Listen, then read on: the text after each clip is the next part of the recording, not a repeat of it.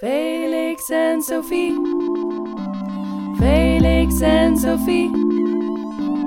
Felix en Sophie. Felix en Sophie. Felix en Sophie. Hallo en leuk dat je weer luistert naar de Felix en Sophie podcast. Met deze keer de editie van afgelopen november getiteld Het vertederende denken van Isabel Stenger. Aan het woord is Natanja van den Heuvel. Veel luisterplezier. Ehm,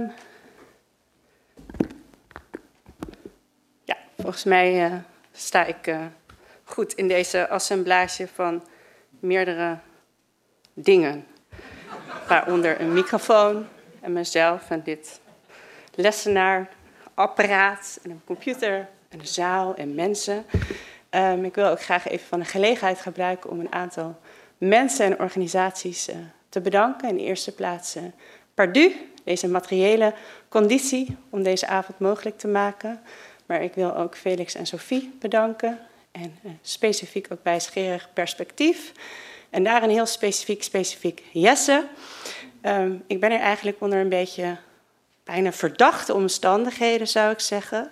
Ik, initieel uh, was het idee dat ik ook een uh, artikel, een bijdrage zou leveren voor het echt het werkelijk waar prachtige nummer van wijsgerig perspectief over het denken van Stengers, Stengers. En alleen de titel al is zo mooi. Dus ik kan het in ieder aanraden om het uh, nummer aan te schaffen en het te lezen en nog eens te lezen.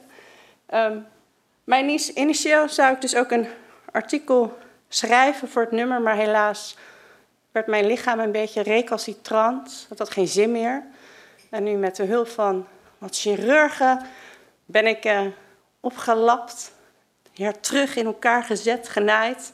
En uh, mag ik hier vanavond ook iets vertellen over stengers, of althans ja, over stengers. Zeg je niet zoveel. Ik voel me ook niet zo heel erg comfortabel bij de idee om iets over stengers te zeggen. Hè. Veel eer nodigt je uit om een beetje met haar mee te denken. En als je die interessant vindt, dan kun je haar boeken, haar werk gewoon naast je neerleggen. Ze is wel streng, hè? maar niet zo streng dat ze je verplicht om haar werk te lezen. Um, dus wat ik vandaag wilde doen, um, dat is, zoals uh, Floris vertelde, een beetje kouwen op een vraag. Wat doen vrouwen met het denken? En dat is een vraag die Stengers samen met Vincent de Pre centraal stelt in het boek Women That Make a Fuss, The Unfaithful Daughters of Virginia Woolf. Maar eerst dit.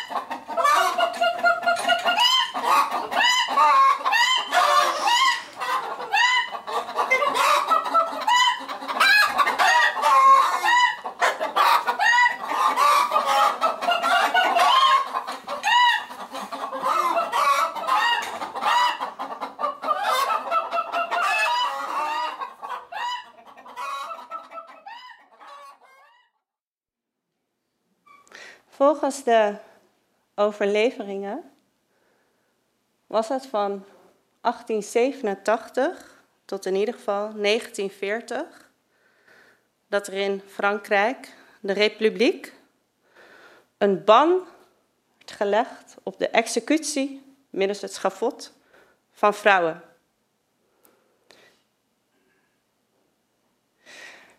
Wat jullie hier zien is een afbeelding, ogenschijnlijk, van Georgette Thomas, de aanstichtster van deze ban. Georgette Thomas werd samen met haar man veroordeeld vanwege de moord op haar schoonmoeder. Ze verdacht haar van hekserij. Maar waar de man van Thomas netjes het schafot, netjes naar het schafot wandelde, schreeuwde en kakelde en verkipte Thomas, Joseph Thomas, de boel bij elkaar. En waarom werd er een ban gelegd? De executie van vrouwen middels het schafot. Precies omdat Thomas zich niet netjes aan haar rol verdeelt als iemand die geëxecuteerd zou gaan worden. Ze liep niet netjes naar het schafot. Zoals een hysterische vrouw, die haar rol niet netjes uitvoerde. In women that make a fast,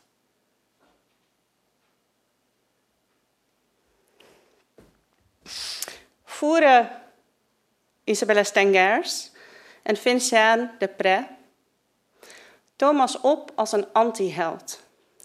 Als iemand die door het maken van een fuss, het niet goed uitvoeren van je rol, een hele grote verandering in de werkelijkheid teweeg brengt. Namelijk de verandering dat in ieder geval voor 70 jaar vrouwen niet geëxecuteerd werden. Nou is het natuurlijk een beetje vreemd hè, om je te identificeren met een moordenares.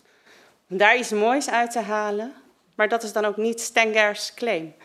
Stengers idee van het antiheld, van een woman, van iemand die een fuss maakt, is dat je niet zo precies weet wat de uitkomst is van wat je doet. Maar die uitkomst was grotesk, hè? 70 jaar geen vrouwen geëxecuteerd in Frankrijk.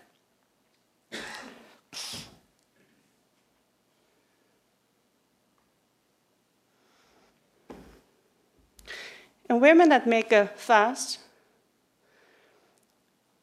voeren, steng, voeren Stengers en Depré dus Thomas op als een soort antiheld. Iemand die een fast maakt, iets grotesk teweeg brengt in de materiële werkelijkheid. Of in de werkelijkheid, de realiteit. Maar voordat ze daar komen, nemen ze ons mee in een zoektocht middels het werk van Virginia Woolf. Three Guineas. En in Three Guineas, kun je eigenlijk het beste zien als een soort uh, ja, groot, groot verslag, een grote brief bestaande uit drie delen. Op de vraag die Virginia Woolf krijgt van een ogenschijnlijk goed opgevoede, well-educated man. de vraag die hij haar stelt is: hoe zouden we een oorlog kunnen voorkomen? Een oorlog die aan de deur staat in 18, 1938. En dan gelijk in dat boek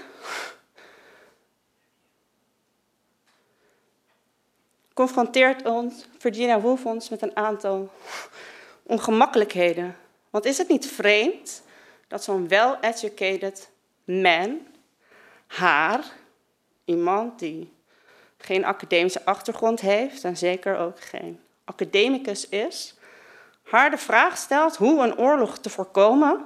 Is dat niet absurd? Zou de man zelf geen antwoord hebben? Hij is overigens hè, die well-educated man. En Wolf speelt daar een beetje mee en stelt, ja, Misschien moeten we het een beetje ombouwen en mezelf de vraag stellen wat vrouwen zouden kunnen doen om die oorlog te voorkomen. En dat hele boek is eigenlijk een soort grote brief die ze schrijft aan die man. Speelt ze met die gedachte hoe vrouwen een oorlog te kunnen, zouden kunnen voorkomen. Het is eigenlijk een soort ja, deconstructie van het patriarchaat, zou je het ook wel kunnen zeggen. En iets waar ze dan ook bij stilstaat, is een opmerking die die man in, dat, in die brief aan haar stelt. Namelijk dat het mogelijk zou kunnen zijn, of is dat, hè, hoe moeten we die oorlog voorkomen? Moeten we die oorlog wel eigenlijk voorkomen? Hoe kunnen we die oorlog voorkomen? En als we dan denken over het intellectuele klimaat dat we hier in Frankrijk hebben en onze cultuur, moeten we dat eigenlijk niet beschermen ten opzichte van het oprukkende fascisme met de KKK. De kerk voor de vrouw, de kerk voor de vrouwelijke kinderen, maar ook de keuken. Bargaar, barbaars. Zouden we niet eigenlijk misschien toch die oorlog moeten legitimeren ten opzichte van het redden van die barbarij die een einde maakt aan onze cultuur en intellectuele vrijheid? En Wolf vraagt zich af, ja, hè? Hoezo? Wat is dit voor rare dualisme? Wat is dit voor rare tegenstelling? Want intellectuele vrijheid, die was er niet voor mij als vrouw. En die cultuur waar je het over hebt, die heeft mij altijd gemarginaliseerd. En die heeft zoveel vreselijke monstruositeit uitgehaald. Hoezo? Hoezo? Met deze hoezo denken Stengers en Depre een beetje verder. En we zijn ook een beetje verder, want zij hè, zijn wel educated, een academische carrière achter de rug, zijn nog actief in de academie. Maar ze denken met Wolf mee. En het gaat hun niet zozeer over hè, die vraag van, hè, maar die cultuur die we moeten hè, verdedigen, die heeft mij als een vrouw iets gedaan. Maar ze zeggen, er wordt hier een hele verkeerde foute oppositie gesteld. Namelijk een oppositie waarin een oorlog verdedigd zou kunnen worden vanwege een cultuur die beschermd moet worden. Maar ik wil helemaal niet in deze, wil helemaal niet meegenomen worden als een verdediger van deze cultuur. Ik wil hier uitkomen. Is er niet een alternatief? Is er niet een derde mogelijkheid? Want dit is een vals dualisme waarin we geroepen worden. Kunnen we hier niet uitkomen? Is hier niet een soort derde weg?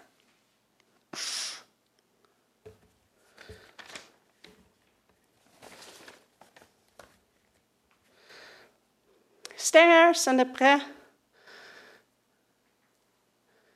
die willen dat niet. Die willen verzet bieden tegen dat idee van zo'n vals alternatief. Of ze noemen dat ook wel eens een infernaal alternatief. Een geproduceerd alternatief. Waarbij de keuze is tussen hè, het verdedigen van een cultuur of een oorlog. Ze zeggen niet in mijn naam. Niet in mijn naam ga ik mee met zo'n vals alternatief. En in dat niet in mijn naam kunnen we denk ik ook iets begrijpen van wat het betekent om een fuzz te maken. Het maken van een fuzz gaat er niet om kritiek te leveren, zoals Jesse ook al aangaf, tegen het neoliberalisme of het kapitalisme. Een oppositie te creëren, gedreven door argumenten. Want dat laat ons altijd spelen op het veld dat onze opponent heeft bepaald. Maar ik wil niet meedoen met dat veld dat mijn opponent heeft bepaald, stellen Stengers en de Pre. En het idee van niet willen meedoen met dat veld dat de oppositie heeft bepaald, zegt heel erg veel over de nadruk die Stengers en de Pre leggen op de gesitueerdheid van jou als mens, als activist, als wetenschapper. Dus als je een derde weg zou willen ingaan, een alternatief willen bewandelen, dan is het heel erg belangrijk om na te denken over dat wat jou beweegt. Wat zijn jouw noden? En het is ook heel erg belangrijk, zo stellen ze, als je iets onderzoekt, om dat niet te doen vanuit je eigen blikveld, maar misschien eens na te denken over wat die ander beweegt. En de prijs zelf bijvoorbeeld een prachtig voorbeeld. Ze heeft geschreven over het leven van vogels. En, en zo staat dan ook de vraag van, oké, wat zouden we kunnen denken over en van de cultuur en het sociale van vogels, wanneer we onze al menselijke blik van ons afwerpen en die vogel centraal stellen. En dat is natuurlijk wel een beetje een lastig iets, hè? Zo een first maken door het perspectief wellicht van een ander centraal te stellen. En dat is super ingewikkeld. Hoe, wat zou je daar meer van kunnen voorstellen? Of hoe zou je dat in een concreet idee van kunnen krijgen? En dan denk ik dat je dat maken, dat, dat gesitueerdheid van de ander centraal stellen ook een beetje zou kunnen vergelijken met wat er gebeurt wanneer je speelt. Dit is een foto van mijn lieftallige zoontje. En zoals je ziet gaat hij volledig op in zijn spel. Voor mijn zoontje, wanneer hij speelt, dan uh, hij speelt soms hier, onderzoekt hij alle mogelijkheden van het water en de modder. Er is een soort modderkeuken. Maar mijn zoontje, wanneer hij speelt, dan zit voor ons een tafel. Maar mijn zoontje die gaat er onder zitten. En dan is die tafel een kasteel.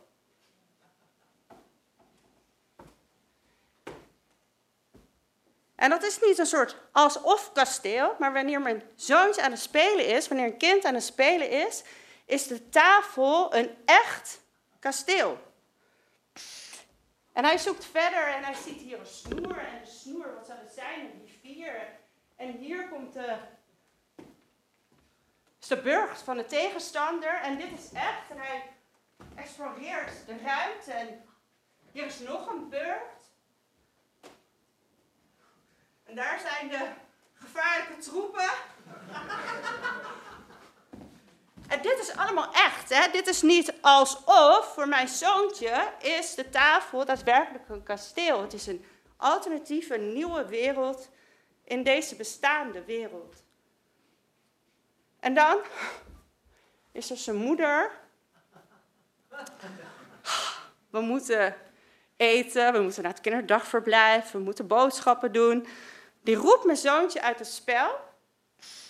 En daar is hij weer met mij en is de tafel weer een tafel.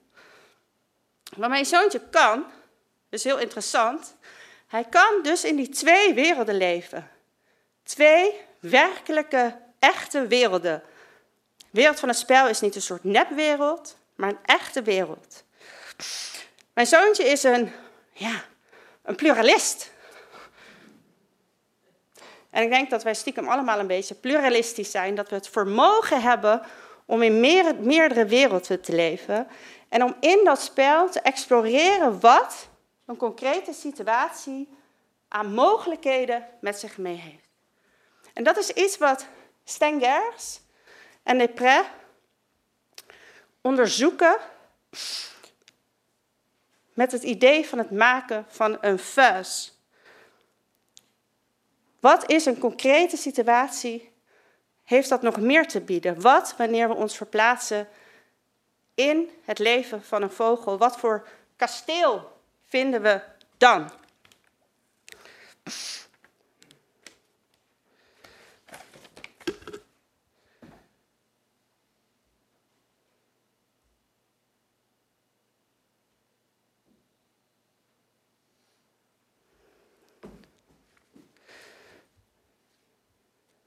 Dus die gesitueerdheid staat heel erg centraal in het idee van een first maken. En ook die situeerdheid bepaalt ook hè, dat idee van dat je niet wil meegaan in een gecreëerde oppositie. En dan is misschien een beetje nog de vraag van oké, ja, leuk, en hoe zit het dan met een vrouw die een first maakt? Doet dat er dan nog een beetje, doet dat dan nog toe?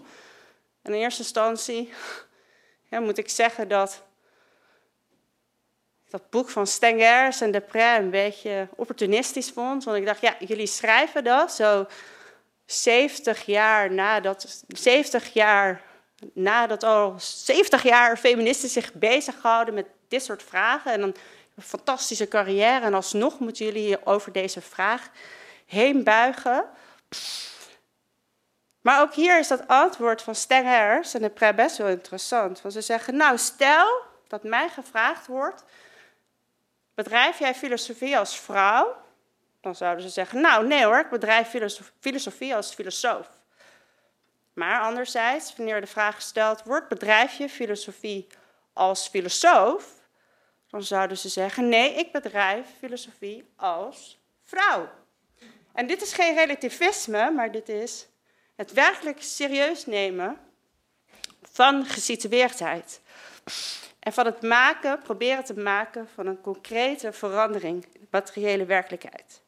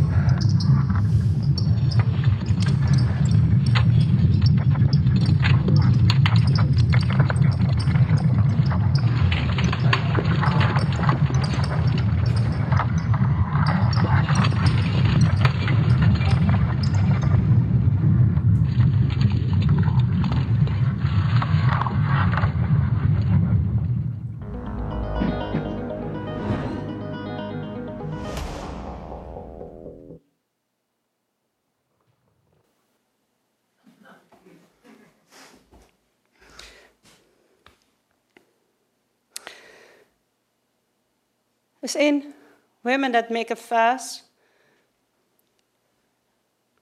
kouwen Stengers en Après een beetje op die vraag van wat het zou kunnen betekenen. Wat vrouwen iets met het denken doen.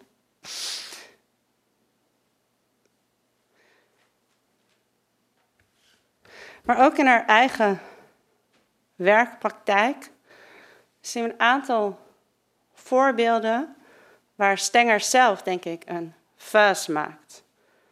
Iets met dat denken doet. En ik wil kort ingaan op twee van die voorbeelden. En dus in de eerste plaats, heel kort, haar notie van de intrusie van Gaia als een alternatief voor het begrip ecologische crisis. En in de tweede plaats haar allianties met de hekserij. En ik ga het heel erg kort houden. En um, heel kort, kort, kort. Zoals um, Floris al een beetje aangaf, hij probeert, probeert met het idee van de intrusie van Gaia eigenlijk een, een alternatieve manier na te denken over ecologische problematiek en specifiek op een alternatieve manier na te denken onze relatie tot de natuur. We leven allemaal in het, we leven in het zogenaamde Anthropoceen, dus ondertussen ook al een beetje een oude term. Veel debatten gaan over of we misschien het Anthropoceen niet beter het Kapitaliseen kunnen noemen. Ook voor Steggers geldt dat ze het niet zo'n goed gekozen term vindt, omdat het anthropos te veel in het zadel zou houden. Maar in plaats van mee te gaan met het idee van het antropoceen of alternatieven daarvoor te vinden, zegt ze, om antropos uit het zadel te houden, moeten we op een heel radicaal andere manier gaan nadenken over onze relatie tot de natuur. Wat ze pleegt is dus een intervisie op het gangbare denken. Ze maakt een fuss. Ze accepteert niet de terminologie die we al die tijd gebruikten. En dat doet ze met het idee van de intrusie van Gaia. Of de notie van, het, van ja, de intrusie van Gaia. Nou, Gaia is een term die ze ontneemt, ontleent van Lovelock. Maar Lovelock die stelde Gaia voor als een soort harmonieus superorganisme, een assemblage van verschillende factoren. Maar, maar Stenger stelt Gaia voor als radicaal geprikkeld. Ze is weer barstig. Het is misschien een moeder, maar een boze moeder. Dit spelende kind uit het spel haalt. En er is ook iets heel interessants met die Gaia. Want Gaia is een beetje onverschillig voor het menselijk handelen. Wij zijn onderdeel van Gaia, maar Gaia is zelf onverschillig. En dat is best wel interessant. Hè? Dus wij moeten er iets mee, maar Gaia doesn't care. Hè? Of, wij, of wij voortleven op deze planeet. Misschien responsen, maar she doesn't care. En wat we moeten leren, stelt Stengers, is op een nieuwe manier te componeren met Gaia. En een van de manieren waarop we dat zouden kunnen doen, is door een heksenvlucht te nemen. Nou wat? Heel kort, kort, kort. Zouden we kunnen leren van de hekserij. Wie jullie hier ziet is uh, Starhawk. Zij is uh, uh, een aanhanger van de Old Tradition of the Goddess. Zij is een neopaganist en zij combineert activisme en hekserij, specifiek het uitvoeren van rituelen en ook permacultuur in een praktijk. Nou, en iets wat Stengers vindt in het werk van Starhawk, super radicaal eigenlijk, dat je een soort van geloofspraktijk ziet als een groot voorbeeld van hoe op een alternatieve manier je te verhouden tot de werkelijkheid of de natuur als een alternatief. Maar wat Starhawk doet, is protesteren en tijdens de protesten ook de godin aan te roepen. En wat zo interessant is, is dat die godin ontwaakt tijdens de protesten. En wat er gebeurt, is dat je eigenlijk een soort zelf-resubjectiveringsproces doormaakt. Je wordt een ander mens, stellen Stengers en Starhawk, door de rituelen en in het protesteren. En specifiek ook gecombineerd met de permacultuur, wat ook een heel andere manier is van je tot de grond of de aarde te verhouden, ziet Stengers daar een heel mooi voorbeeld in, wat het zou kunnen betekenen om op een positieve manier een verschil te maken of een first te maken. En um, daar moet ik het dan denk ik bij houden voor wie op een meer technische manier, technisch-technisch geïnteresseerd is in Stengers alliantie met het ecofeminisme. Um, voel je vrij om mij te vragen voor wat kopies van artikelen. Die deel ik graag. maar Deze dank jullie wel voor nu. theaterzaal van. Wil je ook een keer editie bijwonen? Dat kan. Volgende week 20 februari zijn we terug met een nieuwe editie over psychoanalyse en filosofie getiteld Impasse Verslaving, waarom er niets verandert. Met sprekers Arthur Eaton en Erik Swingedaal. Hopelijk tot dan.